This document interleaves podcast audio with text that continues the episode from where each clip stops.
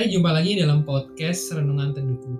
Podcast yang berisi renungan singkat dari firman yang kita baca dan kiranya bisa jadi berkat buat kita. Nah, dalam episode kali ini saya mengangkat tema tentang terserah Tuhan. Nah, kita akan mendasari dalam firman Tuhan dari Matius pasal 8 ayat kedua.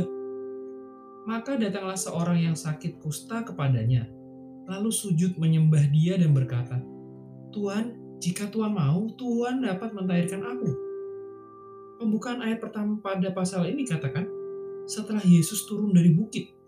Ini artinya sepanjang pasal 5 sampai pasal 7, Tuhan Yesus itu mengajar seperti diceritakan dalam Injil Matius ini berada di atas bukit.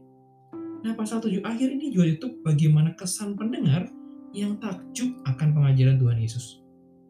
Kalau misalnya nih, kita takjub dan tertarik dengan pengajaran seseorang, pasti dong kita akan mengikuti dia terus atau dalam bahasa medsosnya kita uh, subscribe channelnya atau follow dia gitu ya. Nah, hal ini sama dengan orang-orang pada masa itu. Mereka berbondong-bondong mengikuti Tuhan Yesus, bahkan saat dia turun dari bukit. Nah, pada saat itu datanglah orang sakit kusta ini kepada Yesus.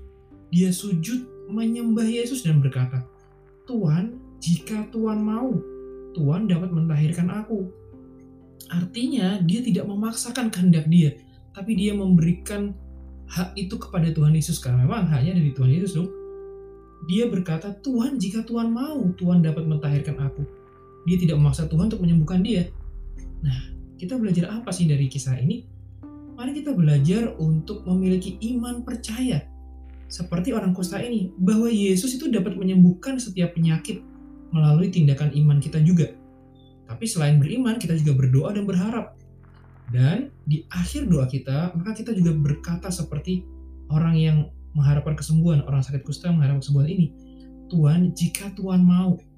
Nah, artinya dengan hal ini kita sedang menyerahkan apa yang seharusnya kita inginkan, kita tidak memaksa kepada Tuhan, tapi menyerahkan semuanya kepada Tuhan.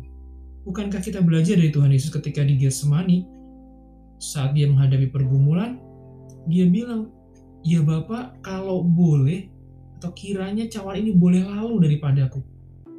Untung masih koma tuh. Karena habis itu lanjutannya, tetapi jangan kehendakku, melainkan kehendakmu yang jadi.